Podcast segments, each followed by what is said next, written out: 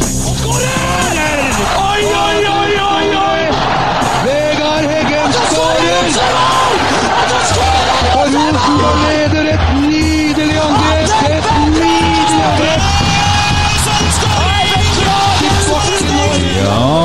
Velkommen til en eh, liten bonusepisode av Rotsekk. Her er Kent Aune har fått eh, æren av å sitte alene sammen med Roar Vikvang, som er da leder og sjef i SalMar-akademiet. Hei, Roar. Hei, hei.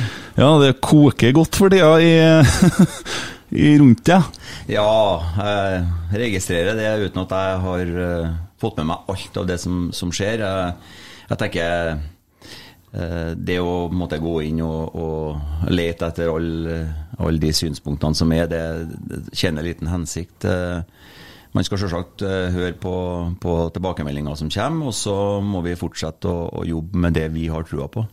Så det er det som er fokuset mitt. Og så er det jo sånn, hvis du ikke ønsker å havne i skuddlinja, så begynner du ikke å jobbe i Rosenborg. Eh, For eh, det er massiv interesse rundt klubben, det er vi kjempeglade for. Og eh, hva som er rett og hva som er galt, det kan man sikkert eh, diskutere. Eh, vi som er en del av SalMar Akademiet nå, vi må jobbe ut ifra de tankene vi og klubben tror er rett. Og så får eh, vi gjøre opp status når vi har fått gjort det over litt tid. Ja, for sånn, bare for å ta Det har jo vært i siste ukene, og det var jo en sak i Adressa. Ole Sagbakken har et intervju der det eh, er jo manglende resultat som er Og igjen, da, så der vi supporterne er mye på Twitter og, og sånne ting, og det, der koker det jo. Men for å ta liksom, det første først. Du ble ansatt i Rosenborg 1.1 i 2021. Ja, 1.10.2020 begynte jeg. Ja, å ja. Eh, eh, men altså bakgrunnen din for å komme, for å komme hit, hvis du tar sånn kjapt eh, Hvem er en Roar? Ja, Roar Vikvang han er 53 år, eh, bor på Stjørdal. Gift, to voksne unger og fire barnebarn. Eh, Jeg har holdt på med fotball og som fotballtrener i snart 30 år. Jeg har eh, 18 års fartstid bak meg fra Luftforsvaret, eh, der jeg både har gått krigsskole og jobba på krigsskole. Og så har jeg etter den tid jobba i Statped, som er som er på en døveskole på Heimdal. Jeg har vært Nav-leder i Værnes-regionen, og jeg har leda en arbeidsinkluderingsbedrift på Stjørdal. Så jeg har jobba mye med folk gjennom hele livet. Mm, akkurat. Uh, og den rollen din For du, du sendte jo et brev til Tove, det er jo et spørsmål som kommer er jo litt sånn der, For du, den podden husker jeg eh, du var med på. Du hadde sendt et brev til Tove der du egentlig var litt sånn Du hadde gitt beskjed om hvordan ting ikke skulle være. Nei, det var, var vel ikke mer det, men det var vel bare et litt sånn, eh, en sånn sit- situasjonsbeskrivelse fra en, eh, en person i trøndersk fotball. Ja. eh, Der jeg gjorde meg noen betraktninger rundt Rosenborg. Og så ble det en kaffekopp og, og ikke noe mer ut av det, men så mm, fikk jeg jo henvendelse fra klubben eh, på, på vårparten tidlig sommeren 2020 om at de ønska å prate med meg med tanke på jeg kunne tenke meg å begynne å jobbe. da. Hva det gikk i det du, betraktningene? da? Nei, det var det at jeg opplevde at eh, Rosenborg kanskje hadde blitt litt perifer. eh, At man ikke så så mye til klubben rundt i, i trøndersk fotball. Jeg tror Rosenborg har en ekstrem viktig rolle for å skape og holde entusiasme rundt omkring i trøndersk fotball. Eh, Og det tror jeg er en vinn-vinn. Eh, Hvis Rosenborg evner å gjøre det på en, på en måte som inspirerer, så tror jeg òg at det vil, vil bidra positivt til fotballmiljøene rundt omkring i Trøndelag. Og forhåpentligvis da, med flere gode, eh, entusiastiske fotballmiljø, så vil det komme fram flere gode fotballspillere. Mm.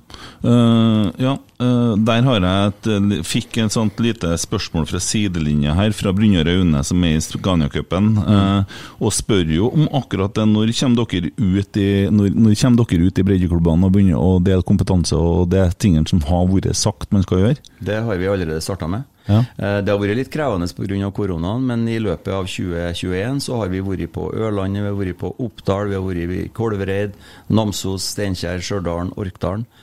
Eh, I tillegg til at vi har vært og besøkt noen klubber i, i Trondheim, så det er vi godt i gang med. Vi gjør mye av det i samarbeid med NFF Trøndelag, der vi driver både med spillerutvikling og trenerutviklingstiltak. Så, så det, er vi, det er vi godt i gang med, og det kommer vi til å fortsette med, og, med forsterka styrke nå når koronaen forhåpentligvis gir seg, og det blir lettere for oss å gjøre det. Ja. Er det der Christer Bassmann kommer inn litt? Han har vel en ganske god link direkte ut til klubbene, har han ikke det? Ja, han har jo en rolle som trener og spillerutvikler eksternt, som vi kaller det, i tillegg til at han er rolletrener i akademiet. Så, så Christer er jo med på alle de seansene som vi har ut eksternt. Mm, mm. En veldig bra fyr, øh, syns jeg.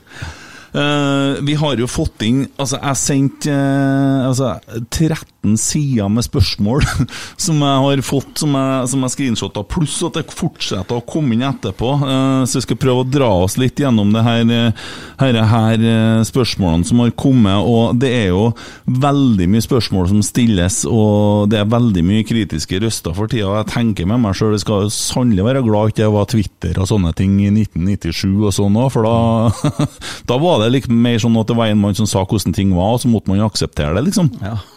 Hvis ikke en journalist med en annet, selvsagt, da. Uh, Edvard Stenlund uh, spør hvor mye fokuseres det på å gjøre spillerne bedre på mottak, medtak, kroppsstilling? A-laget er helt elendig på nettopp det her. uh, Når vi jobber med utvikling av fotballspillerne, så har vi fokus på fire områder. Det er tekniske ferdigheter, taktiske ferdigheter, mentale ferdigheter og fysiske ferdigheter. Og alt dette her jobber vi målretta med. Så når det gjelder f.eks. dette med medtak, mottak, eh, kroppsstilling, ta imot på rett fot, så er det noe som er en del av treningsuka vår hver eneste uke. Og vi, vi jobber med det på treningsfeltet, vi ser på det med video. Eh, så det jobber vi mye med. Mm.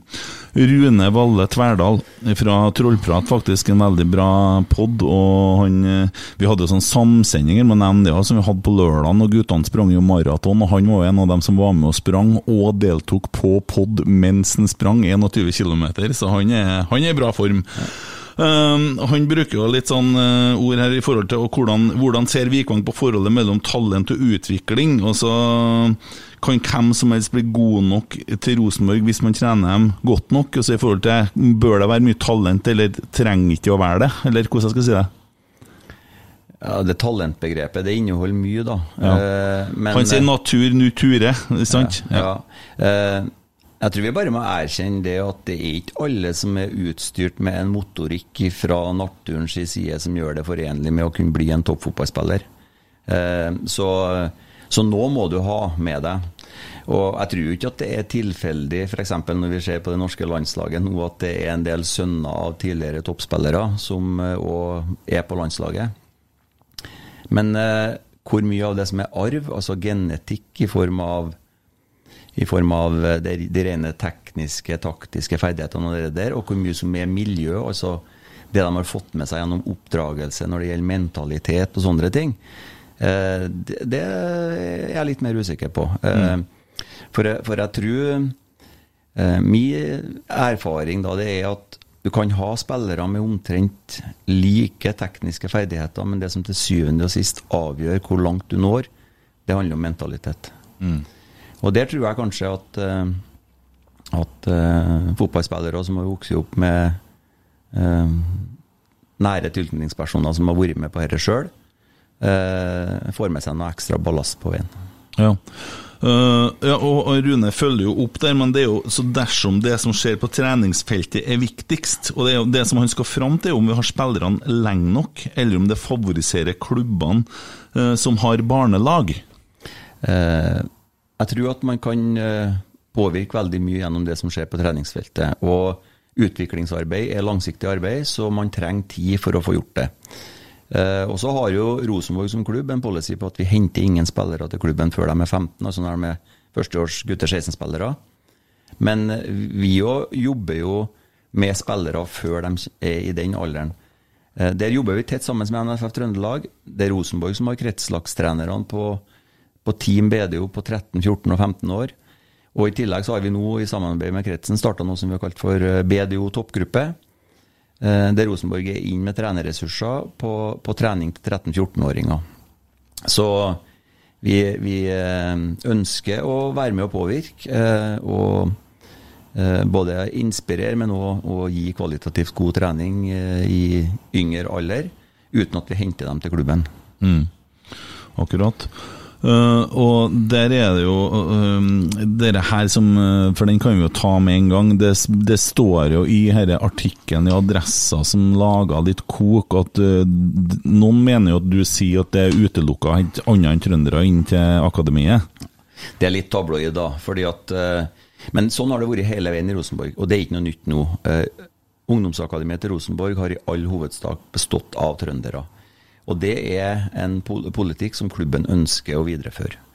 Eh, og så er det fra tid til annen sånn at, at vi kommer over spillere fra andre kanter av landet òg. Senest i sommer så henta vi en fra Kabelvåg. Så det er jo ikke sånn at vi, at vi ikke har eh, andre enn trøndere, men det er det som er hovedtyngden i akademiet. Og vi ønsker å være veldig tydelige på det. Fordi at eh, vi har tro på trønderske fotballspillere, på unge trønderske fotballspillere. Eh, noen hevder jo det at Rosenborg har vært dårlig på talentarbeid. Eh, nå har jeg vært her siden 1.10, så jeg skal ikke ta noe av fortjenesten på det som har på en måte skjedd historisk. Men per eh, dato, da, 2021, så er det faktisk over 60 spillere som har hatt ungdomstida si i Rosenborg, som i dag spiller toppfotball enten i Obos-liga, Eliteserie eller ute internasjonalt. Og det er ikke mange andre klubber i Norge som kan matche det tallet. Så Rosenborg har faktisk fått fram veldig mange gode fotballspillere. Og så vet vi at nåløyet til A-laget til Rosenborg er ekstremt trangt. Fordi at Rosenborg skal være et topplag hvert, hvert eneste år. Eh, og det gjør jo at, at antallet som måtte ha gått igjennom og rett opp i A-laget, eh, ikke har vært så stort. Mm. Eh, en annen statistikk som vi har på, på, på dette med, med, spillere som har vært i ungdomsakademi, det er jo noe som vi får fra norsk toppfotball, som forteller noe om produktivitet, altså hvor mange spilleminutt har spill, unge spillere under 24 år fra ulike akademi hatt uh, den siste måneden. I 2020 eh, så var Rosenborg på 17.-plass på den lista. Nå er vi nummer seks. Vi klatrer hele tida, og vi begynner å nærme oss de klubbene som f.eks. Bodø-Glimt og Vålerenga og Stabæk. Eh, så vi er, vi er, på full fart eh, oppover på den lista. Og, eh, og så er det jo for vår del så er det jo det som skjer med Olaug Skarsheim f.eks., at han er ute av klubben en periode, spiller på seg mer erfaring og kommer tilbake igjen. Det tenker jeg er en naturlig fotballreise inn til A-laget til Rosenborg. Mm. Fredrik Midtsjø gjorde det samme. Uh, mens Nole Selnes, Jonas Svensson, de gikk rett igjennom. Uh, og, og det, det, at det er ulike veier på det der, det tror jeg ikke man skal se på som noen lederlag. Det, det tror jeg er en del av, eh, av naturlige utviklinger. Mm. Ja, øh, og det, jo, det, har jo vært igjen da uh, den andre saken her, og det er jo uteblivende resultater, da, som er det som gnager veldig mange. Og det spørsmålet vi kommer til å komme tilbake en del til òg. Men uh, henger herre da litt sammen med Hvis jeg skal se det sånn som jeg ser det fra utsida, så er det jo et lag Vi har jo et A-lag som har sittet masse juniorspillere på benken til enkelte kamper, mm. der det nesten skulle vært omvendt. At det skulle ha sittet A-lagsspillere på benken til juniorene, eller mm. til toerlaget. da mm. Er det det som får en liten sånn dominoeffekt, eller? Ja, det er jo ikke noen tvil om det.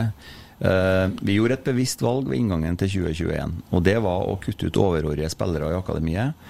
Uh, fordi at vi, og jeg sier vi, uh, noen tror jo at det er en Roar Vikvang som sitter alene inne på et kontor og bestemmer på en måte alt som skal skje i akademiet til Rosenborg, og denne policyen som man nå har lagt opp. Alt dette her er veldig godt klubbforankra. Det starter med en sportsplan som beskriver hvordan fotball vi skal spille. Eh, I den samme sportsplanen så står det hvordan rekrutteringspolitikken til Rosenborg skal foregå. Så alt dette her er nedfelt i strategiske styringsdokument, og det er dem vi jobber ut ifra. Mm.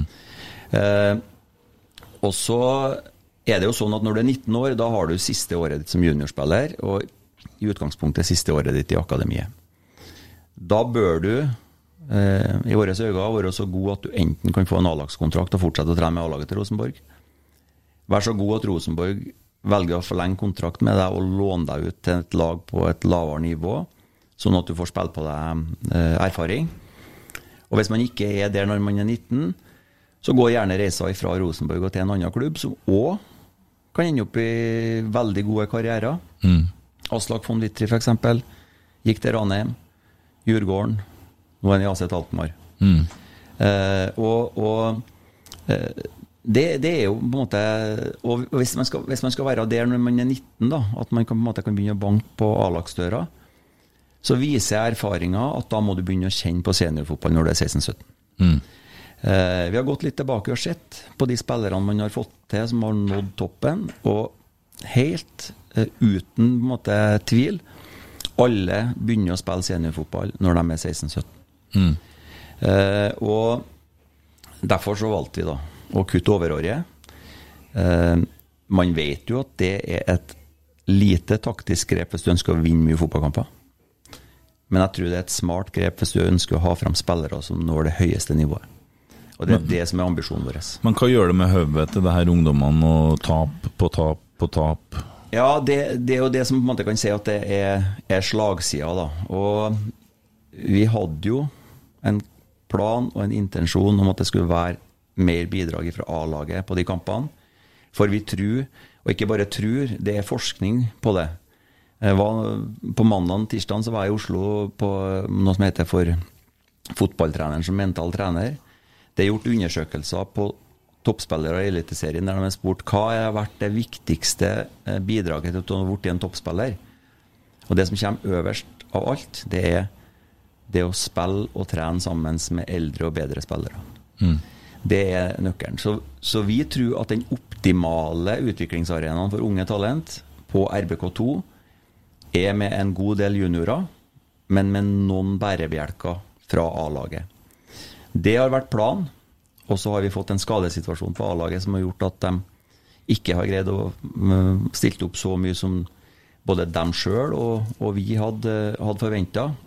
Situasjonen ble jo ytterligere forverra av at det i år òg ble forsinka seriestart, sånn at vi har fått et enda mer, en mer komprimert sesong. Eh, så alt dette her har jo egentlig vært med oss og gjort situasjonen eh, litt annerledes enn det vi hadde håpa på. Um, men jeg håper at vi klarer å, å, å få spillere nå til å fokusere på, på, prestasjon og utvikling. Og det er ingen tvil om at mange av de spillerne vi har i RBK2, har tatt store steg i, gjennom 2021, eh, sjøl om det ikke har gitt seg utslag i så veldig mange poeng i andredivisjon. Mm. Uh, ja, og, men jeg tenker, det her unge guttene de er jo på Twitter, de er jo på sosiale medier. De må jo se det som foregår rundt, og folk er jo ja, Det er jo det er som jeg sier, at enkelte av mine medsupportere er jo nesten verre enn Molde-supportere. For de er jo så negative til klubben og kommer fra innsida. Det blir jo litt sånn ondt, det der. Mm. Hvordan er det? Og snakker dere om sånne ting? Ja, vi, vi, snakker jo, vi snakker jo med, om spillerne rundt uh vi prøver å gå bak resultatene og prestasjonene. men uh, jeg gjør ikke det til et tema overfor spillerne at det er folk som på Twitter mener at Roar Vikvang er en idiot, hvis det er det som står der, da, uten at jeg har uh, lest det. For det tenker jeg det Jeg lever godt med det. Mm. Jeg har ikke noe problem med det. Jeg jobber hardt videre med de tankene jeg har, og ønsker å utvikle de spillerne vi har, til å bli best mulig. Og um, vi snakker mye mer om mentalitet. Eh, så det å stå i en sånn type storm, da mm. Eh, det er jo en del av det du faktisk må håndtere når du er en del av toppfotballen. Det er liksom eh, Sånn er det. Ja. Og, og, du kan ikke la deg affisere av det. Nei. Nei øh og så tenker jeg jo det at eh, Vi snakker jo om at vi, hvis en KK kommer til Rosenborg, da, som er det store spørsmålet, eh, mm. så må han få f.eks. fire år, sier da uh, ekspertene rundt omkring, da, og få tid til å bygge og sånne ting. Det tar litt tid å bygge et akademi òg, vil jeg tro. Du, ja. Føler du at du skal, skal du ha mye tid før du på en måte begynner å se roer i det her, da, eller dine tanker her? Ja, det, det, altså, jeg vil gjenta, det er ikke mine tanker. da, altså Det er klubben sine tanker. Eh, og eh, om to-tre år så tror jeg at vi begynner å se effekter. Jeg tror allerede at vi vinteren 2022 kommer til å se spillere fra SalMar-akademiet som tar steget opp og trener fast med A-laget til Rosenborg. Mm. Og jeg tror ikke vi trenger å vente veldig lang tid før at noen av dem faktisk begynner å gjøre seg fortjent til spilletid. Mm. Og det er det som er det overordna målet vårt. Det er det som er det overordna målet. Og vi har kasta dem på dypt vann eh, i år. Eh, jeg er imponert over spillerne. De har selvsagt vært skuffa, og det har vært tøft. Men så har de da visst, glimtvis Vi har vært til Haugesund f.eks. og tatt poeng med rent juniorlag i andredivisjon. Vi slo Levanger 5-2 hjemme. Da hadde vi med en Emil eh, Konradsen Seid og en Mikkel fra A-laget, pluss en Sander Tangvik. 17,7 år i snittalder på det laget. Slo Levanger 5-2.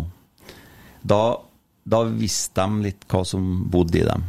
Og da så vi jo effekten av å ha med én A-spiller med litt ekstremferdigheter, som en Emil eh, Konradsen Seid har. For han skapte uh, alene mye trøbbel for Levanger. Og gjorde òg at det var enklere for juniorene på en måte å henge seg på i, i rundt det. da. Og det er jo den modellen vi egentlig uh, jakter å få til. Og så har vi ikke fått den i mange nok kamper, men, uh, men vi, vi fortsetter og, og har det som ambisjon. Mm. Og der er det jo et par poeng som kommer, for Emil er jo fra eget akademi, men han er ikke trønder, så der har du jo den faktoren òg. Mm. En annen ting jeg tenkte på i stad, når du snakker om det, vi holdt på å kikke på det her i podden i forhold til spillere ut. Når folk sier ja, se der, det måtte komme fra en av våre egne. Ja, det er over 50% av klubbene i Norge i Obos og Eliteserien har eh, gamle Rosenborg-spillere på en eller annen slags måte, så det er for, for akademi eller klubben. da. Så det, vi lager mye spillere til, til norsk toppfotball, det er sikkert. Ja, det er, ikke noe, det er ikke noe tvil om det, og det er med å fortelle noen ting om hva som faktisk bor i trønderske talent òg. Og, um, og det forteller òg noe om det arbeidet som har vært gjort i Rosenborg eh, over tid. Um, og vi ønsker å, å fortsette å være ekstremt tydelige på at vi har tru på de unge trønderske fotballspillerne. Vi ønsker å få fram dem. Ja. Jonas Sunde spør i hvor stor grad har dere kontroll på utlånte spillere, og følges dem opp? Ja, Utlånte spillere er jo spillere som lånes ut fra avstand, så da burde egentlig Mikke Dorsin, som er Ja. sportsdirektør, ha sittet her og svart på det spørsmålet. Men jeg kan, jeg kan jo fortelle det at man, man ser jo alle de kampene de spiller, enten live eller på, på video. Vi har jo et eget analyseteam eh, med, med, med Geir Hansen i spissen, som òg har ansvar for scouting. Og, og det å på en måte se de spillerne er jo, en, er jo en bit av det arbeidet de gjør. Og så er det dialog med dem, men eh, detaljene på det kan en eh, Men, men sånn som. Brattbakk nå, som er i Ranheim og sånn, er det noen Ranheim da, som har kommunikasjon med han, da? Eh, Det er ikke, det er ikke Rosenborg som snakker med han underveis, liksom? Nei, altså det, sånn må det jo være. Altså Nå er jo en, Philip en del av et høyprestasjonsmiljø på Ranheim, og må selvsagt der daglig forholde seg til sin trener. Men eh, det å se på han, eh, se hvordan utviklinga er, og, og ha sporadiske møtepunkt med han, det vil jo være naturlig. Men detaljene der, det må han ikke svare på. Nei. Jonas spør jo da på hvilken måte vil alle tapene på G16, G18 og RBK2 påvirke mentaliteten? Er ikke du eller dere redd for at det ødelegger for mestringsfølelser? Jo, det er jo det jeg er litt eh, inn på, men det har jo ikke vært sånn at vi bare har tapt. Eh, men spesielt i andredivisjon så, så har det vært tøft, og så har det vært som du er inne på. Altså, det har blitt en litt sånn dominoeffekt, fordi at vi skulle egentlig hatt med noen flere fra A-lag på andredivisjon, så vi har måttet flytte opp spillere som vi kanskje hadde planlagt å bruke på gutter 18, og så må vi flytte opp fra gutter 16 opp på gutter 18. Så, så det har jo gjort at vi at vi eh, kanskje har stilt med litt svakere kamptropper enn det vi optimalt skulle ha ønska, med litt yngre spillere på de respektive nivåene. Men eh, vi har eh, alle spillerne i, akademiet som har vært skadefri, har eh, spilt mye fotball, og det syns vi er viktig. Eh, ja, Blir ikke kampbelastninga stor da, eh, på de få som er der, når du har jo Det er jo litt inn på den Tore Dahl her, spør eh, om vi klarer å være nummer én. Ja, klar, tror vi virkelig vi klarer å være nummer én med nesten bare trøndere i akademiet? Det har vi allerede snakka om. Eh, men Ja, det spørs jo hva, hva man mener med, å- med å være nummer én. Eh, og man sier altså resultatene har vært dårlige. Ja, kanskje hvis man ser på poengfangsten i andredivisjon og resultatene i noen kamper på, på um, gutter 18 og gutter 16 nå.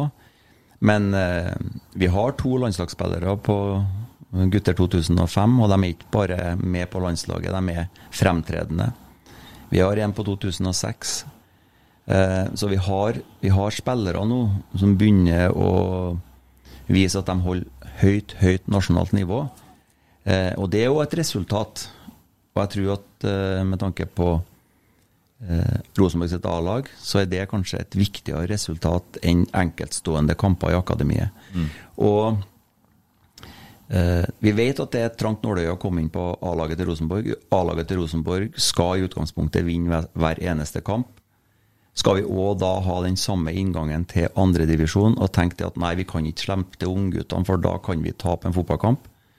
Når skal de unge guttene få lov til å prøve seg på nivå som er litt høyere enn det de egentlig er gode nok for, for å kunne ta de stegene?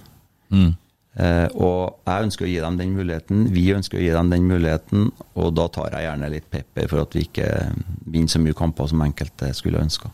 Mm. En del av strategien var å ha 40 spillere på G16, 18 RBK2. Er det en plass du ser forbedringspotensialet nå?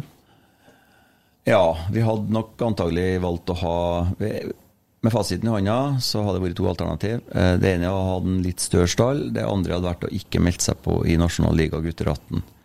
Eh, I 2022 så kommer vi nok til å ha litt flere spillere enn det vi har hatt i år. kommer et utenspørsmål her som ikke du har fått sett, men det var bare fordi det kom litt seint, eh, fra Geir Arne. Eh, hvordan kvalifikasjoner har Arnstein Rød til å lede talentutvikling i en av Nordens største klubber? Ja, han har eh, 25 års trenererfaring. Han har eh, lang fartstid som fotballærer på videregående skole. Han er flink med ungdommer. Han vet hvordan eh, eh, ungdommer opptrer, hvordan man skal møte dem. Han har eh, Uefa A-lisens, som er den nest høyeste trenerutdanninga i Norge. Han har vært assistenttrener i Ranheim i Eliteserien i to år, der han har fått opp unge talent som de faktisk har videreforedla og sluppet ut på banen i Eliteserien. Eh, han har eh, vært trener i Orkla i en lang periode sammen med Nils Arne Eggen. Han er i mine øyne svært godt kvalifisert. Ja, det var et veldig godt svar. Eh, han Jonas han spør jo Jonas er ivrig, vet du. Uh, spør om du har noen trenerforbilder du ser opp til? Ja, det har jeg jo, men eh, man har jo på en måte forma ting litt sånn som man er komfortabel med sjøl. Men det er jo ikke noe tvil om at uh, fotballfilosofien min fra starten av er inspirert av en Nils Arne Eggen og hvordan Rosenborg spilte angrepsfotball. Eh, nå har jeg en fascinasjon for Jørgen Klopp. Eh, jeg syns at måten han fremstår på, både som menneske og i fotballfilosofi, er noe som jeg kan identifisere meg med, og som jeg òg syns harmonerer godt med det Rosenborg ønsker, ønsker å stå for. Og da tenker jeg både på verdiene, altså hvordan forholder vi oss til mennesker som vi har rundt oss, eh, og òg den herre offensive, litt sånn sprudlende fotballen. eh, Med høy intensitet og framover i banen når muligheten byr seg. Så, så jeg har sjansen for han. Jonas han sa for så vidt til meg en gang at han hadde en eh, spiller Han trodde ikke at han fikk lov til å anbefale noen, han har visst en spiller nede i Sandefjord eller Vestfold som er dritgod, som er ment for bra for Rosenborg 2, så jeg skal få han til å sende navnet. Så han har gjort en spederjobb der. Jonas han har vært gutter 16 eh, keepertrener i Sandefjord, faktisk. Ja. ja, det er bra. Så han hadde en spiller på gang, men så tenkte jeg det er jo ikke en vits med det nå, for at, eh, de skal jo ikke ha noen trøndere, der, han der, Svein. Men eh, det skal vi jo. Ja. Eh, Så lurer han på altså Han ønsker at du begrunner valget med å kutte ut overårige spillere, for han personlig mener at det er viktig å ha noen som går stien for eh, de yngre, da. Ja. Vi ønska at de som skulle gå stien for de yngre, var spillere fra A-laget, og da først og fremst i, i kampsammenheng. Eh, jeg ser poenget hans, og vi får se hvordan vi vurderer det videre. Men optimalt sett noen voksne spillere på banen i kamp. Og så og så eh, tror jeg ikke vi går tilbake til å ha en, en stor andel med overårige, altså førsteårsseniorer i akademiet.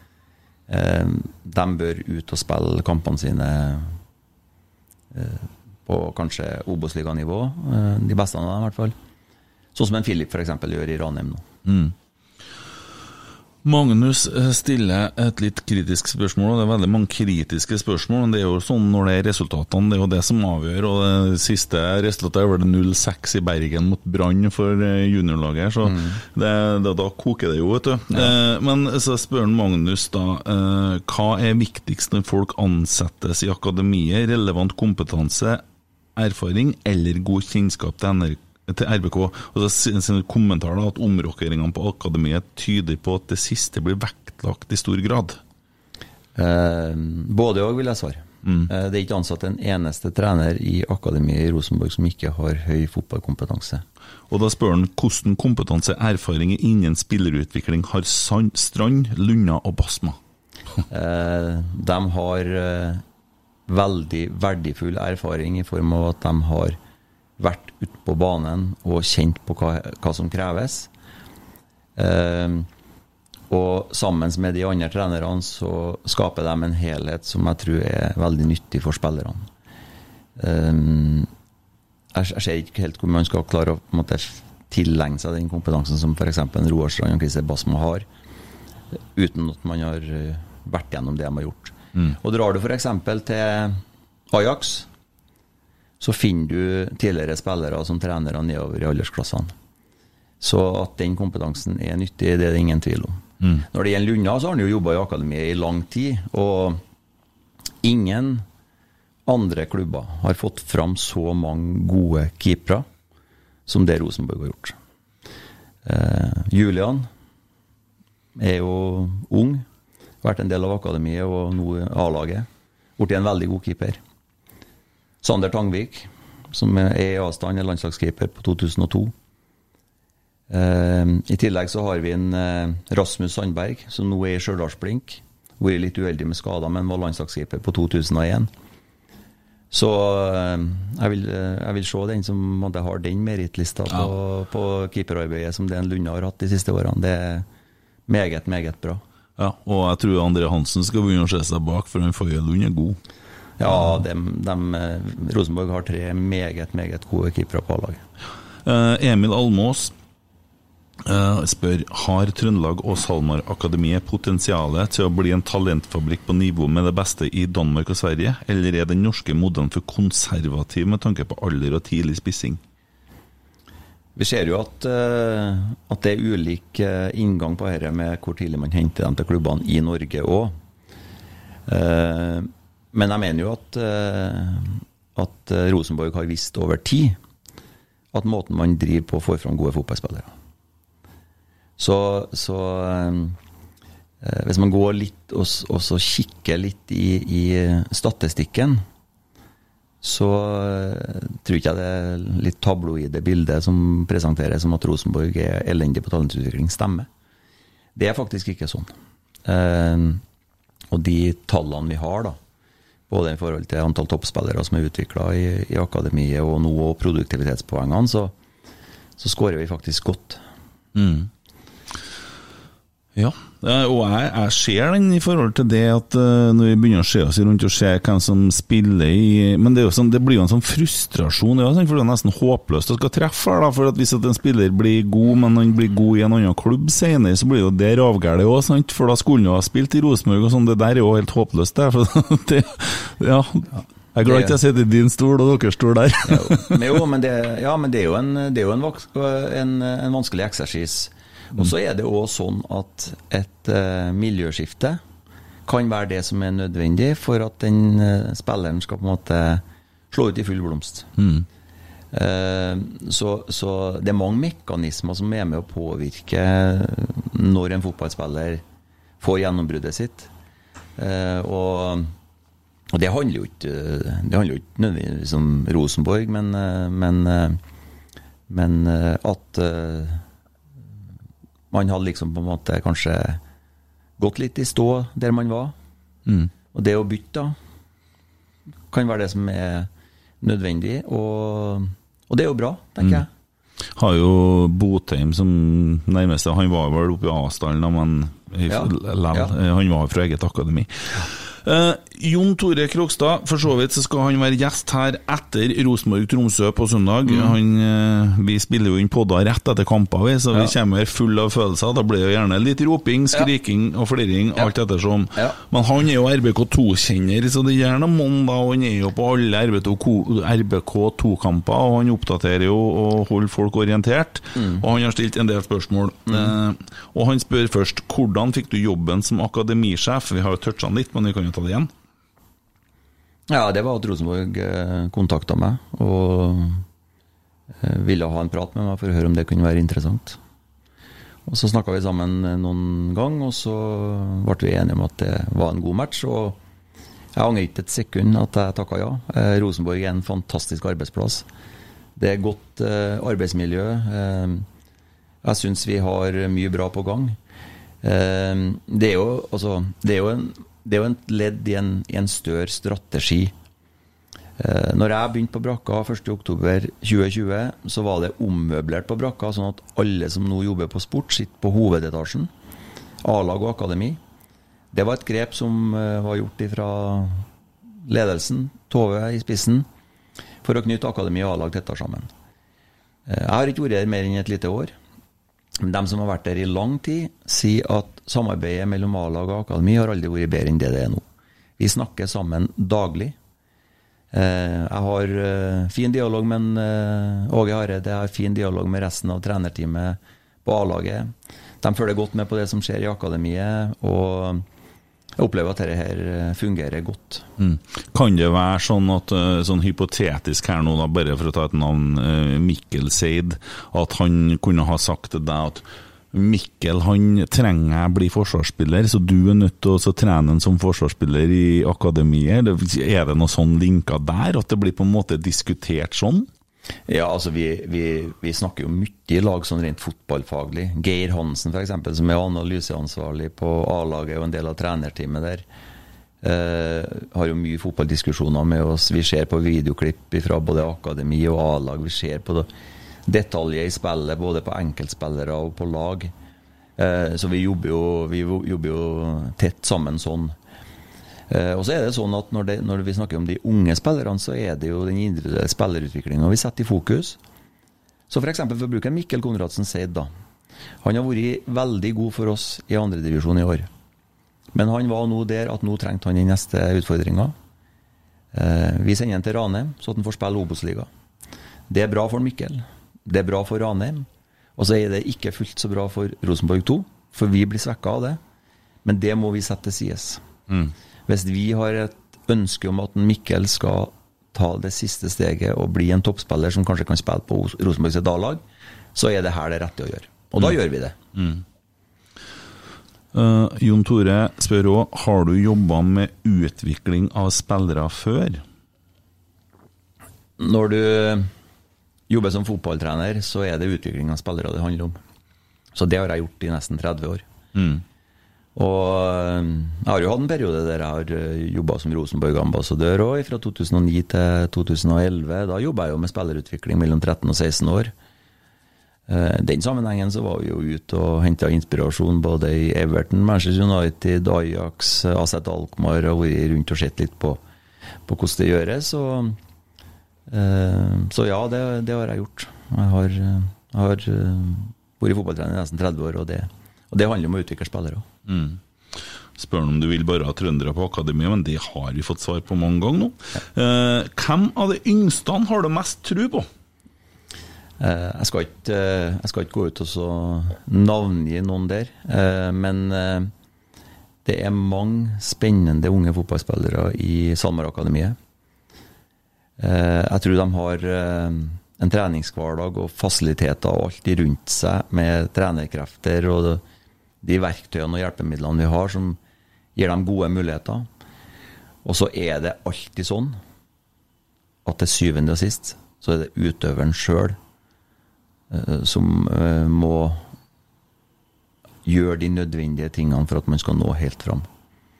Eh, jeg, så, jeg så et intervju med Ole Selnes når han var hjemme her nå. Han fikk spørsmål liksom sånn eh, Det å være i Kina, og er det bra nok fotball, og hvordan har du utvikla deg? Og da svarer han noe sånt som det at uansett hvor du er hen, så har du som utøver, som fotballspiller sjøl, det overordna ansvaret for å utvikle deg og være skjerpa og klar hele veien. Og Det syns jeg var, det var et eh, godt budskap fra Ole, og han vet hva det handler om. Mm, ja.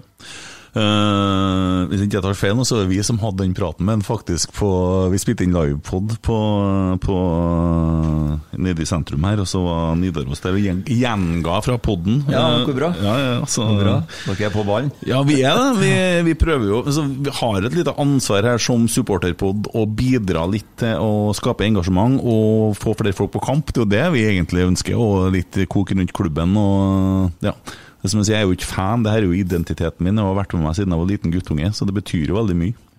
Ja, og det, og det er jo litt sånn vi, det er jo sånn vi tenker i Rosenborg òg. Og, og vi vet jo at Rosenborgs sine eh, sin eksistens eh, hviler mye på at vi klarer å skape entusiasme og engasjement rundt oss i Trøndelag.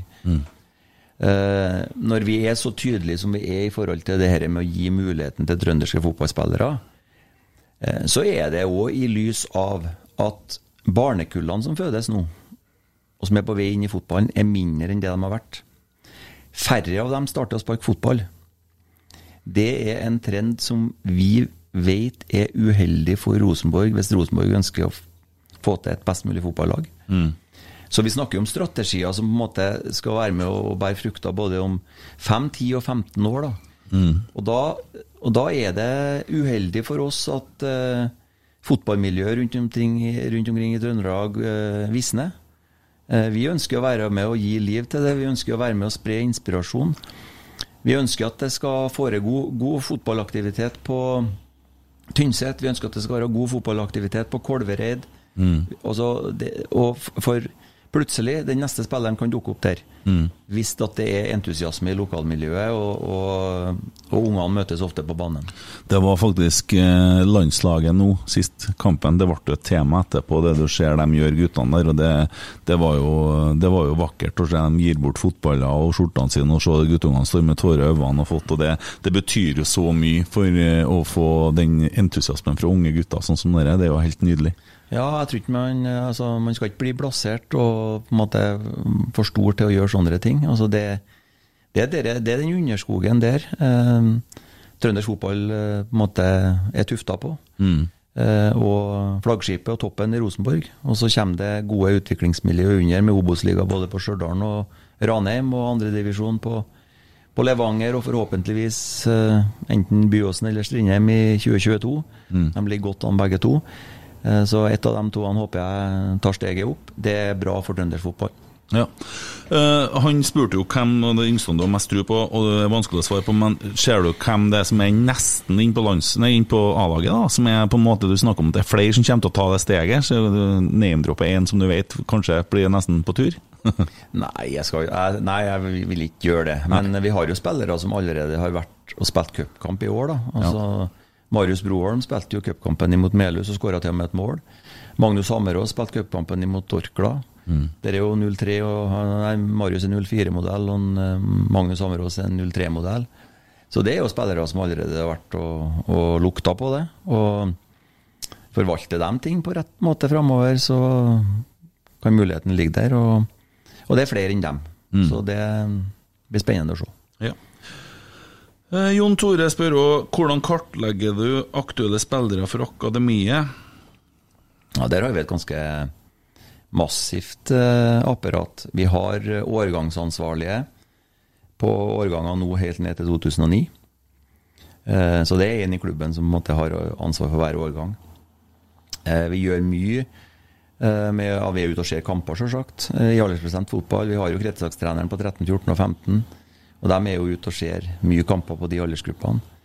Vi er aktivt inn på toppgruppe og eh, aktivitet i samarbeid med kretsen. Så eh, vi har god oversikt over, eh, over trønderske fotballspillere nedover i aldersklassene. Ja. Eh, han stiller en del spørsmål til som jeg føler vi har fått svar på, så det, han kommer tilbake og skal skal snakke litt på søndag, så får vi nå høre. Eh, vi får vel sikkert en liten dom på den samtalen her. Også, Ja, ja. Ja. Eh, Mathias Sundby spør om noe som er litt interessant. Eh, Har du hatt samtaler med Tetti og Skjelverud om hvilke roller de skal ha? Jeg har snakka både med Alexander Tetti og Per Siljan Skjelbred, men vi har ikke satt oss ned og snakka om detaljer i forhold til en eventuell jobb i akademiet. De er fremdeles A-spillere, og hvor lenge de blir det, det må tida vise. Um, og så vet jeg jo det at, det at det har vært et tema i forbindelse med kontraktsinngåelse med dem at de skal gjøre en jobb for klubben når de er ferdig.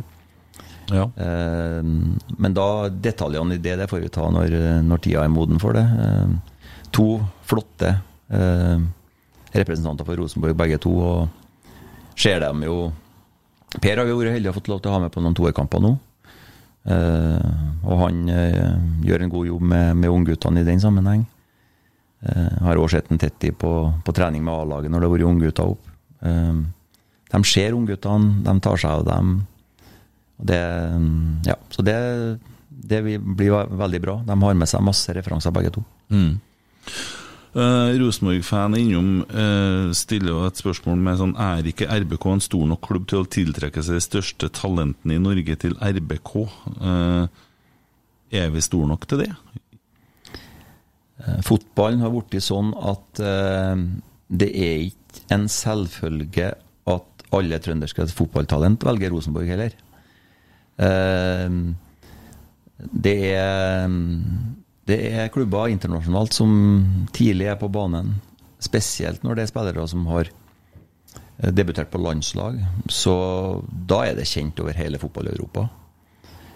Eh, og norsk fotball har begrensa økonomi. Det gjelder òg Rosenborg, i forhold til mange av de andre nasjonene. Eh, så kommer man på en måte inn i en situasjon der man skal må begynne å konkurrere øk om økonomi, eh, så vil vi tape.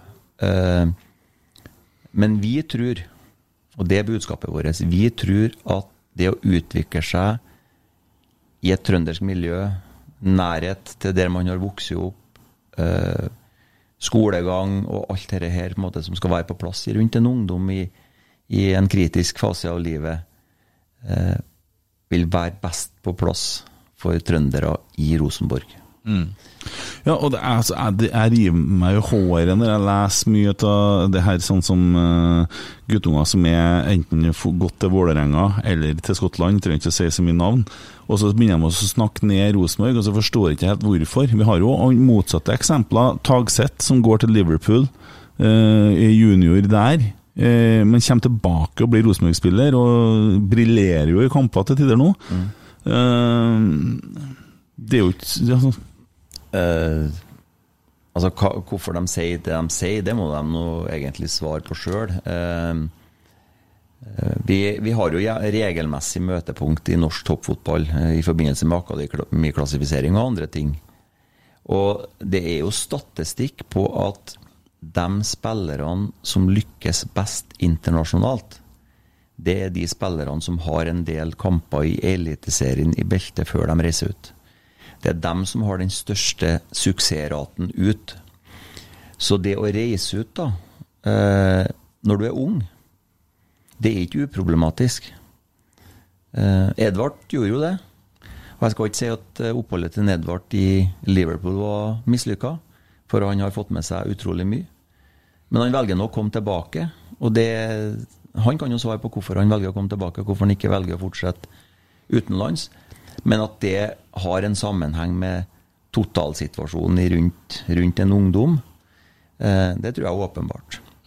Det er jo mye glamour forbundet med eh, proffliv. Eh, eh, tjener sikkert gode penger, kjører fine biler og alt det her.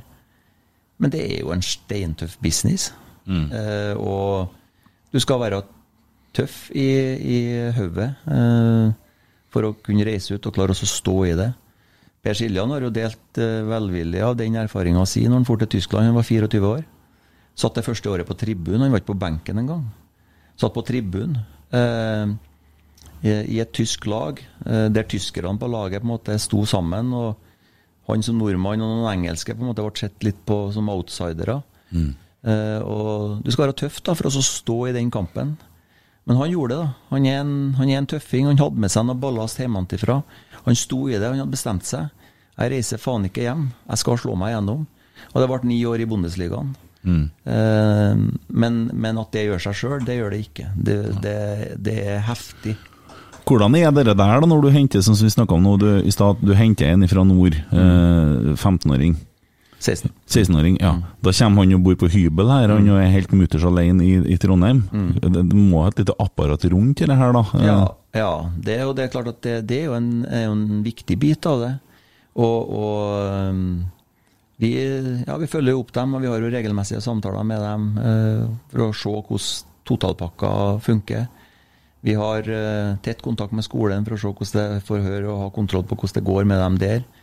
For det er jo klart at det er jo et ansvar knytta til det å flytte en ungdom fra et eh, lokalmiljø langt unna og, og inn hit. Eh, og man kan jo i noen sammenhenger når det skjer diskusjoner som går rundt dette her, tenke at det er snakk om en vare. At fotballspillere er en vare. Eh, men det er jo ikke det. Det er jo mennesker. Ser jo det på enkelte, og du vet eh, når du blir litt kjent med noen av guttene, og du ser hvordan ting går i livet, hvordan han presterer, og hva det er altså, eh, Proffer òg, som er et brudd, et samlivsbrudd. Så du ser Alt det her henger jo sammen. Altså, man er jo et menneske. Ja. ja. Eh, og det er jo ikke alle som har sånn som Ingvild Seid, som flytter med guttene ned og tar med seg Det er ikke alle som får med seg mora si ned til å stå og lage mat når du har skåra mål. Nei, nei, det, nei, det er noe med det. Men, eh, men det er kanskje en av grunnene til at, uh, at det har gått så bra som det har gjort med Emil og Mikkel òg, at, at rammene rundt dem uh, utenfor fotballbanen har vært trygge og gode. Så man skal ikke undervurdere det. Nei. Eh, Polsen spør, spør Har det blitt konstatert fra øvrige hold at spillestil skal være likens fra G16 opp til A-lag. Hvis ja, hvordan går dette? Hvis nei, hvorfor ikke? Ja, det har blitt konstatert. Vi har en sportsplan som vi jobber ut ifra, som definerer Rosenborg-fotballen med et spillestilsdokument. Ulike spillfasene, rollekravene i de ulike rollene. Og det jobber vi med eh, fra akademiet og helt opp til A-laget. Eh, og så er det sånn at eh, når det gjelder A-laget, så kan det være litt større grad av variasjon. For der tar man i noen sammenheng litt mer hensyn til motstander enn det vi gjør i akademiet. I akademiet så rendyrker vi det mer og tenker at her skal vi på en måte dyrke vår stil. Og så. Men eh, grunnfilosofien eh, og det vi jobber ut ifra, er lik. Bare et litt artig spørsmål. Eh, Robby Boyasso, eh, artig Twitter-fyr for så vidt. Fortell om hvorfor du ikke lenger vil jobbe for Forsvaret. Ja, det er, jo, det er jo et godt spørsmål, det. Og det er jo et litt personlig svar. Eh, Jeg hadde jobba i Forsvaret i 18 år. Jeg begynte eh, den gangen det, det var kald krig. Eh, Og Forsvaret av Norge handla om invasjonsforsvar. Forsvar kongefolk og fedreland. Så utvikla jo seg det sikkerhetspolitiske bildet seg. Det ble eh, murens fall. Eh, den eh, norske forsvarsalliansen Nato, eh, der Norge tidligere på en måte var sikra alliert støtte fordi at vi lå der vi lå. Begynte å forvente at norske styrker skulle delta ut i internasjonale operasjoner, som, nok er, som er forståelig. Eh, og i 2007, da hadde jeg en sønn som var 17. Eh, Da drev jeg på krigsskole og utdanna ungdommer, og jeg var ikke komfortabel med at de skulle sende så unge ungdommer ut i internasjonale operasjoner, for jeg opplevde at de hadde med seg for lite ballast før de for. At de for ut fordi at de var eh, både litt risikovillig, eventyrlysten, men kanskje ikke helt skjønt hva de ga seg ut på. Så stilte jeg meg spørsmålet ja, om to år vil du sende din egen sønn. Eh, og svaret på det var nei. Og da følte jeg ikke at jeg kunne stå ansvarlig for å utdanne andre sønner som skulle ut. Så da tok jeg et ideologisk valg og, og valgte å hoppe av. Akkurat. Der ser du, det er jo, det er jo en fint, eh, fin holdning til å ha med seg til Rosenborg òg. Vi vil ikke at de skal fære for tidlig. Nei, vi vil ikke det. Og vi vil de skal være godt rusta når de drar. Ja.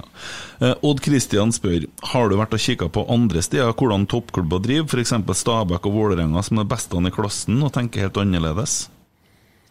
Uh, vi er, vi, altså I norsk toppfotball så samarbeider vi tett. Vi er på masse fellessamlinger med, med utgangspunkt i den her kvalitetssjekken vi er gjennom som heter for akademiklassifisering. Akademiklassifiseringa er jo basert på mange studieturer fra fotballfolk i norsk toppfotball som har vært ute og besøkt en hel haug med internasjonale akademi. Og På bakgrunn av det så har de kommet opp med en kravspesifikasjon på hvordan man bør drive akademi for å ha størst mulig eh, suksessrate. Og det er det som ligger til grunn. Eh, jeg tror ikke vi driver så veldig forskjellig fra Stabæk og Vålerenga. Den største forskjellen er nok på når de henter inn spillerne.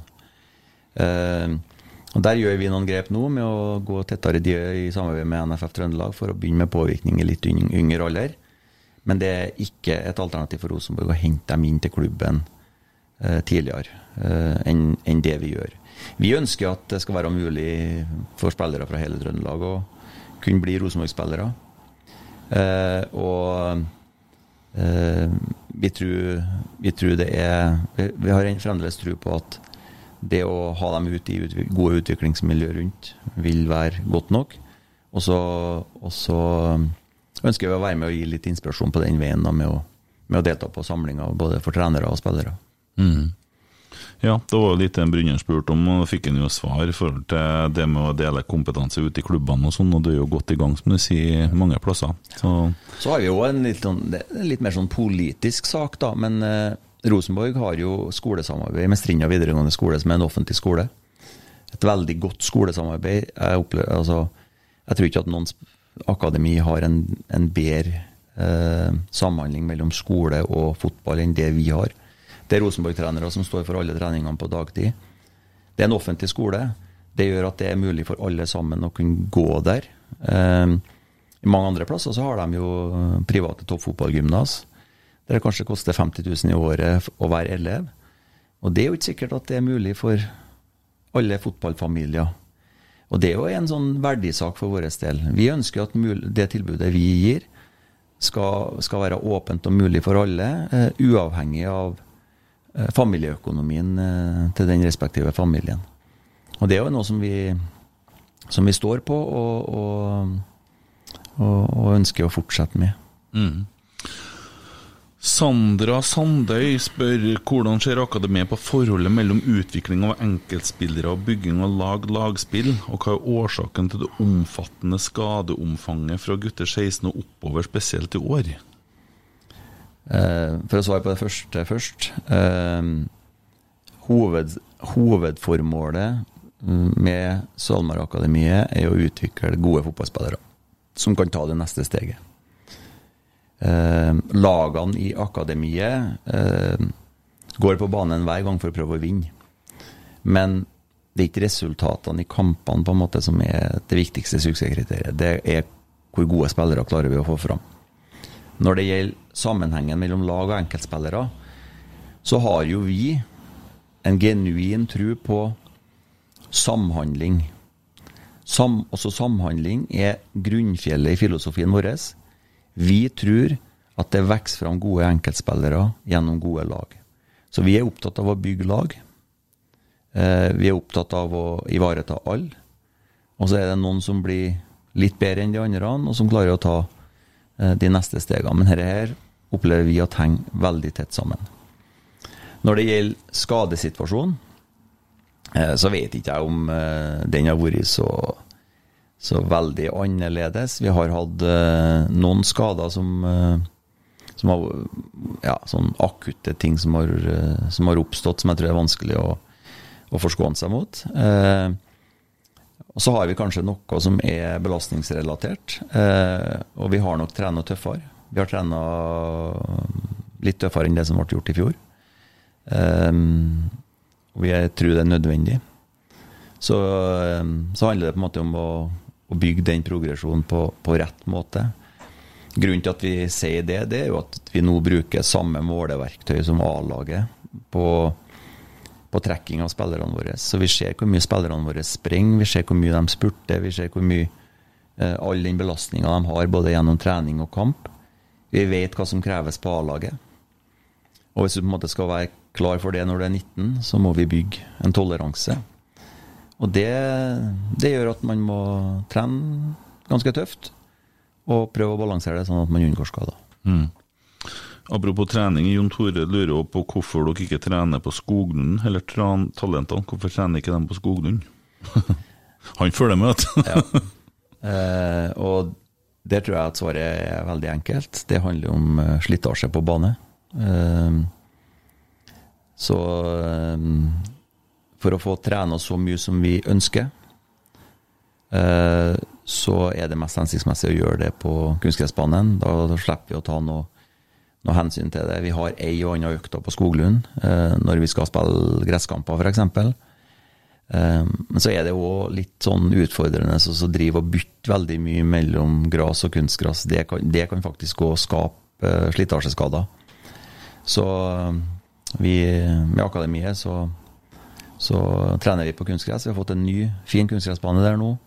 Eh, Så forholdene ligger godt til rette, og så får spillerne på en måte ha Skoglund som en eh, drøm og en ambisjon. For blir du god nok for A-laget, så får du bortpå der.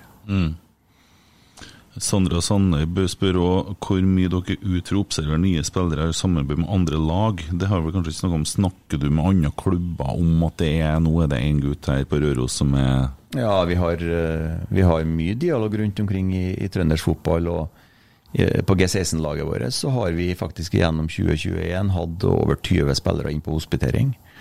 Eh, som en inspirasjon, og for å se dem at de skal få lov til å matche seg sammen med de beste. Vi har med spillere fra andre klubber som hospitanter, både på nasjonal liga gutter 16 og gutter 18. Opplever at det samarbeidet mot trøndersk fotball fungerer godt. Og at, eh, at klubbene nå verdsetter det å få lov til å sende med noen spillere på og få matcha seg. Da. Så det jeg syns det funker godt. Arve Lauritzen, hva er den viktigste målsettinga med akademiet på kort og lang sikt, og når kan dere si at dere lykkes ditt og mislykkes? Jeg føler at jeg har svart på det. Den viktigste målsettinga er jo å få fram eh, spillere som blir gode nok for toppfotballen. Eh, forhåpentligvis eh, noen som blir gode nok for Rosenborg sitt A-lag. Eh, men jeg syns òg at det er en bra output å produsere spillere til annen toppfotball. I, i Obos-ligaen eller i, Ja. Eller Eliteserien. Så ja. Vi, vi var innom det. Uh, så tenker jeg sånn i forhold til at vi har jo en sånn uh, litt større satsing på akademiet for noen år siden med Rini Kulen og co., nederlendere som kom opp til Rosenborg og skulle bygge akademi og sånn. Er det, er det stor forskjell på det som foregår i dag og det som foregikk da? Vet du mye om hva som foregikk da? Det gjør du selvsagt, for dere snakker jo sammen. Ja, det, det gjør jeg, og, og litt forskjell er det jo. Én uh, en forskjell er jo at vi nå alle sammen på en måte jobber etter de samme tankene.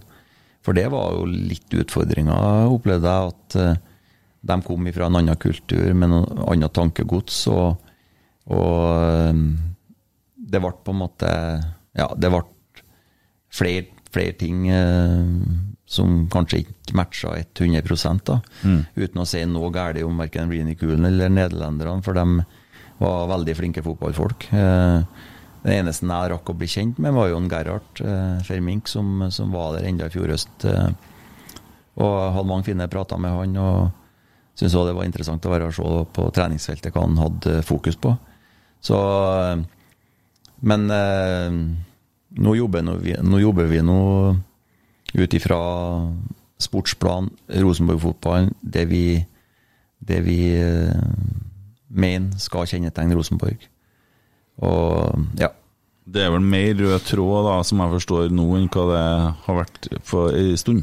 Ja, det opplever jeg, og det er vel litt det de sier, de som har vært der over tid. Og at samhandlinga mellom A og akademi eh, er bedre enn det har vært. Og det tror jeg vi skal fortsette med. Og da tror jeg vi kommer til å få se unge trønderske spillere opp i Asdal og etter hvert ut på banen. Ja. I 2010-2010 så kom jo Erik Hamren, han kløpte jo alt som er tråder. Det var jo ikke noe sammenheng med nå. Det ene plassen var det sånn, det andre. Eh, hvordan blir det nå? Vi står jo foran et trenerskifte. Eh, Altså, er, er det noen tanker rundt det? Det, det, det er jo et- det er jo staka en kurs her. Ja, det er det nok åpenbart noen tanker rundt. Men hvis du skal inn i detaljene på det, så tror jeg du skulle ha invitert Mikke Dorsin. Jo, jo, nei, han sier ikke noe lell. Men nei. det er bare i forhold til at folk er jo redd at det er noen som tenker Erik Amrén, eh, noen tenker eh, eh, eh, Kjetil Rekdal. Det er ikke akkurat den røde tråden vi snakker om. Eh, Da er man på en helt annen spillestil, helt annen filosofi. Men det, det man tenker jo videreføre det vi holder på med her nå. Jeg opplever at det er det som er grunntanken, og så får vi se hvor, eh, hvor eh, jakten etter trener ender. hen. Eh, Jeg har stor tillit til, til det arbeidet som gjøres der, og er helt sikker på at det kommer inn en god trener. Ja. Eh, Det, det er jo mange av disse spørsmålene eh, som vi har vært innom nå. Tror jeg faktisk er helt på å lande litt, altså. Eh, Rune Valle Tverdal spør jo om i forhold til hva Rosenborg mener om suksessraten på å identifisere talenter. Altså, er, er man god nok på å identifisere talenter i rundt seg? Ja, det, det tror jeg. Jeg tror man har god oversikt over det. Og så er det jo ikke eh, alltid sånn at man eh, klarer å få tak i alle dem man kunne ha tenkt seg. Ja, Han følger jo opp sitt eget spørsmål med er manglende tiltro til speidingsmetodikk et argument for å konsentrere seg om lokale spillere? Jeg, eh, jeg, tror at, eh, jeg tror nok at vi har vesentlig eh, større kartotek og bedre oversikt enn det folk kanskje tror. Vi, vi, har, vi har veldig mange navn på blokka i ulike aldersgrupper, fra unge seniorspillere og, og nedover. Og dette er jo en bit av det arbeidet som det scouting-teamet med Geir Hansen i spissen jobber med. Så vi har eh, Vi har eh, Ja, skal vi si både lag og skyggelag på 07, 08, 09. Mm. Og, og når de er litt gamlere, så, så er jo det geografiske området vi ser i større. Men da er det primært unge spillere som man tenker at kan gå inn i avstand. Eh, og da, da ser man jo Da ser man jo rundt omkring. Ja, eh, det er mye godt her, mye gode tanker. Geir Hansen er jo òg et sånt poeng som blir kjørt ganske hardt i sosiale medier da, etter at det her talentgreia, at han skal jobbe med de nye funksjonene han skal gjøre fra neste år av. mm. Hvor folk har virka veldig, veldig skeptisk, og Vi skulle sikkert ha laga en liten redegjørelse med han en dag òg, i forhold til tanker rundt hvordan man gjør det der. for det Hva, hva går skepsisen ut på?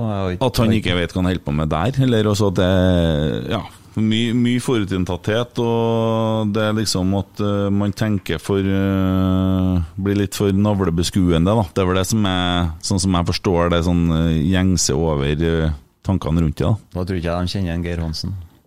Han har vært landslagstrener på aldersbestemt fotball i 15 år.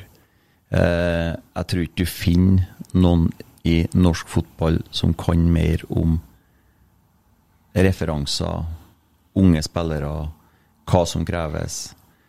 Eh, det er i de aller beste hender. Ja, og jeg, det der og i forhold til at folk snakker om at jeg bor i Ålesund eller sånn, så jeg kan ikke si at Stig Torbjørnsen var eh, bodd i Trondheim eller altså det, det, Man gjør jo den jobben der fra nesten hvor som helst, vil jeg tro. Men det er mye rart å lese på sosiale medier. Nei, det er nesten sånn skulle jeg ønske at og invitert folk eh, innenfor husets fire vegger og eksempelvis eh, sett det arbeidet som en Geir Hansen gjør. Eh, jeg er Jeg vet at det er i de aller beste hender. Mm. Ja, jeg, jeg synes jeg bare å høre han prate, det er jo som å høre hans far og se han går på banen her, eh, og ikke minst jobben som Jørgen og, og Eirik gjør når de lager filmene og hører Det, det er mye fint. Det, jeg blir jo varm i hjertet når jeg, når jeg ser det der. Eh, Men så er det jo noe med i forhold til at jeg tror det er klokt å gå ut og, og, og, og på en måte Det vi gjør nå, og vi sitter og prater, og det, her det er jo ingen som skriver og redigerer noe etterpå. Det kommer jo sånn. Sånn er jo dine Ja, tanker rundt ja, de tingene, og det er jo Ja. Veldig fint. Ja. Eh, Ja, nei, og det er, jo, det, er jo, det, er jo, sånn vi tenker. Det er grunnen til at vi gjør sånn som vi gjør. Og så må man jo bare akseptere at andre har annet synspunkt. Eh, men eh, Her, her er vi en samla klubb som står bak, og det tror jeg er en av de viktigste tingene. At vi faktisk har lagt en strategi som vi står sammen om, og som vi ønsker å jobbe etter. Um, og som òg inne, inneholder samhandlinga mellom akademi og A-lag. Så eh, jeg tror at vi har eh, veldig gode forutsetninger for å lykkes eh, i tida framover. Um, så um, får vi se da om en to-tre år om om vi har akademispillere som har tatt steget opp, og det tror jeg. Mm. Er, vi en, er vi en mer samla klubb nå enn hva vi har vært på en stund? Jeg opplever at vi er veldig samla innenfor eh, husets fire vegger. Eh, eh, vi har selvsagt faglige uenigheter, faglige diskusjoner. Det må man ha. For det må være dynamikk hvis man skal ta nye steg. Men det går på, det går på delelementer. Vi er veldig sams om hovedkursen. hovedkursen. Og det starter egentlig fra styret på toppen, gjennom Tove som daglig leder, Mikke Dorsin som sportsdirektør, eh, og videre ned i, i både A-lag og akademi. Da. Så, um, og det tror jeg, jeg tror det, altså jeg har jobba som leder i, i mange ulike sammenhenger. Og jeg tror jo det er en av de viktigste suksesskriteriene. suksesskriteriene. Det å på en måte bygge en kultur som er enhetlig, der alle trekker mot i samme retning, mot det samme målet. Og da kan ikke vi, som er- sitter oppi det og jobber med det, la oss drive fra skanse til skanse ut ifra hvilket synspunkt som eksisterer rundt oss. Vi, vi kan ikke det. Altså, da, altså, da blir det ikke noe kontinuitet i arbeidet. Så vi får, vi får uh, høre på uh, innspillene og tilbakemeldingene som, som kommer, men vi er bare nødt til å holde kursen og jobbe knallhardt eh, med det vi tror på. Og jeg er sikker på at det kommer til å bære frukter. Ja, sånn helt, helt til slutt, Roar. Eh, Andredivisjon, tredjedivisjon. Hvor, hvor eh, Molde, Bodø-Glimt, de har toerlag i tredjedivisjon. Hvor mye har det egentlig å si? Altså, Hvis du skal spille med 16-17-åringer, og bare 16-17-åringer, så tror jeg tredjedivisjon er en bedre arena, for da tror jeg andredivisjon blir for tøff. Etter at andredivisjon ble spissa med bare to avdelinger. Eh, og en positiv eh, effekt av det er at du vil kunne få trene mer angrepsspill i, i tredjedivisjon enn du gjør i andre- i når du har et ungt lag. Da må du forsvare deg veldig mye. Så, så i forhold til altså, det, det, det kom jo Håkon Evjen og Jens Petter Haug og Runar Nei, Patrick Berg og Fredrik Bjørkan igjennom tredjedivisjonslag til Rosen, nei, til Bodø-Glimt og opp Og så, så jeg, tror ikke, jeg tror ikke det er der det står og faller. Men jeg tror det er viktig for eh, unge spillere å få lov til å møte seniormotstand i relativt ung alder, fordi at du møter en annen type fysikk. eh, Men du møter òg en annen type taktisk fotballforståelse. For når du har spilt fotball og er 25, så har du tilegna deg mer taktisk kunnskap enn når du er 17. Eh, og om de ikke nødvendigvis er eliteseriespillere, så har de med seg noe eh, som gir fine referanser for de unge spillerne. Så, så det, det vokser de på. Ja. Det får jeg håpe og tro at det blir sånn. Eh, Da har ikke jeg så mye mer å spørre deg om. Jeg må si tusen hjertelig takk for den jobben som du gjør med akademiet og for Rosenborg. Og at man eh, det, skjønner jo at det her er ikke en jobb du har ni til fire. Det her er en, blir jo mer en livsstil. Eh, Ja, ja, det er jo sånn. Ja. Det er jo, det er jo helg og vekker, og det er tidlig morgen og sene kvelder. Men eh, det vet man jo når man begir seg på noe sånt. Og mm, hvis man ikke er interessert i å gjøre det på den måten, så kan en finne seg en annen å gjøre. Så det, og sånn er det jo for oss eh, alle sammen som, som jobber i fotballen. Vi er godt kjent med hvordan dette er, og, og sånn må det være. Eh, men vi gjør det jo da med et brennende hjerte for Rosenborg, for trøndersk fotball, trønderske fotballtalent. Eh, så da gjør man det med glede. Tusen hjertelig takk for at du kom og slo av en prat. Takk for praten, og takk for at jeg fikk komme. Jo, takk, takk. Hei. Oi, oi, oi, oi, oi!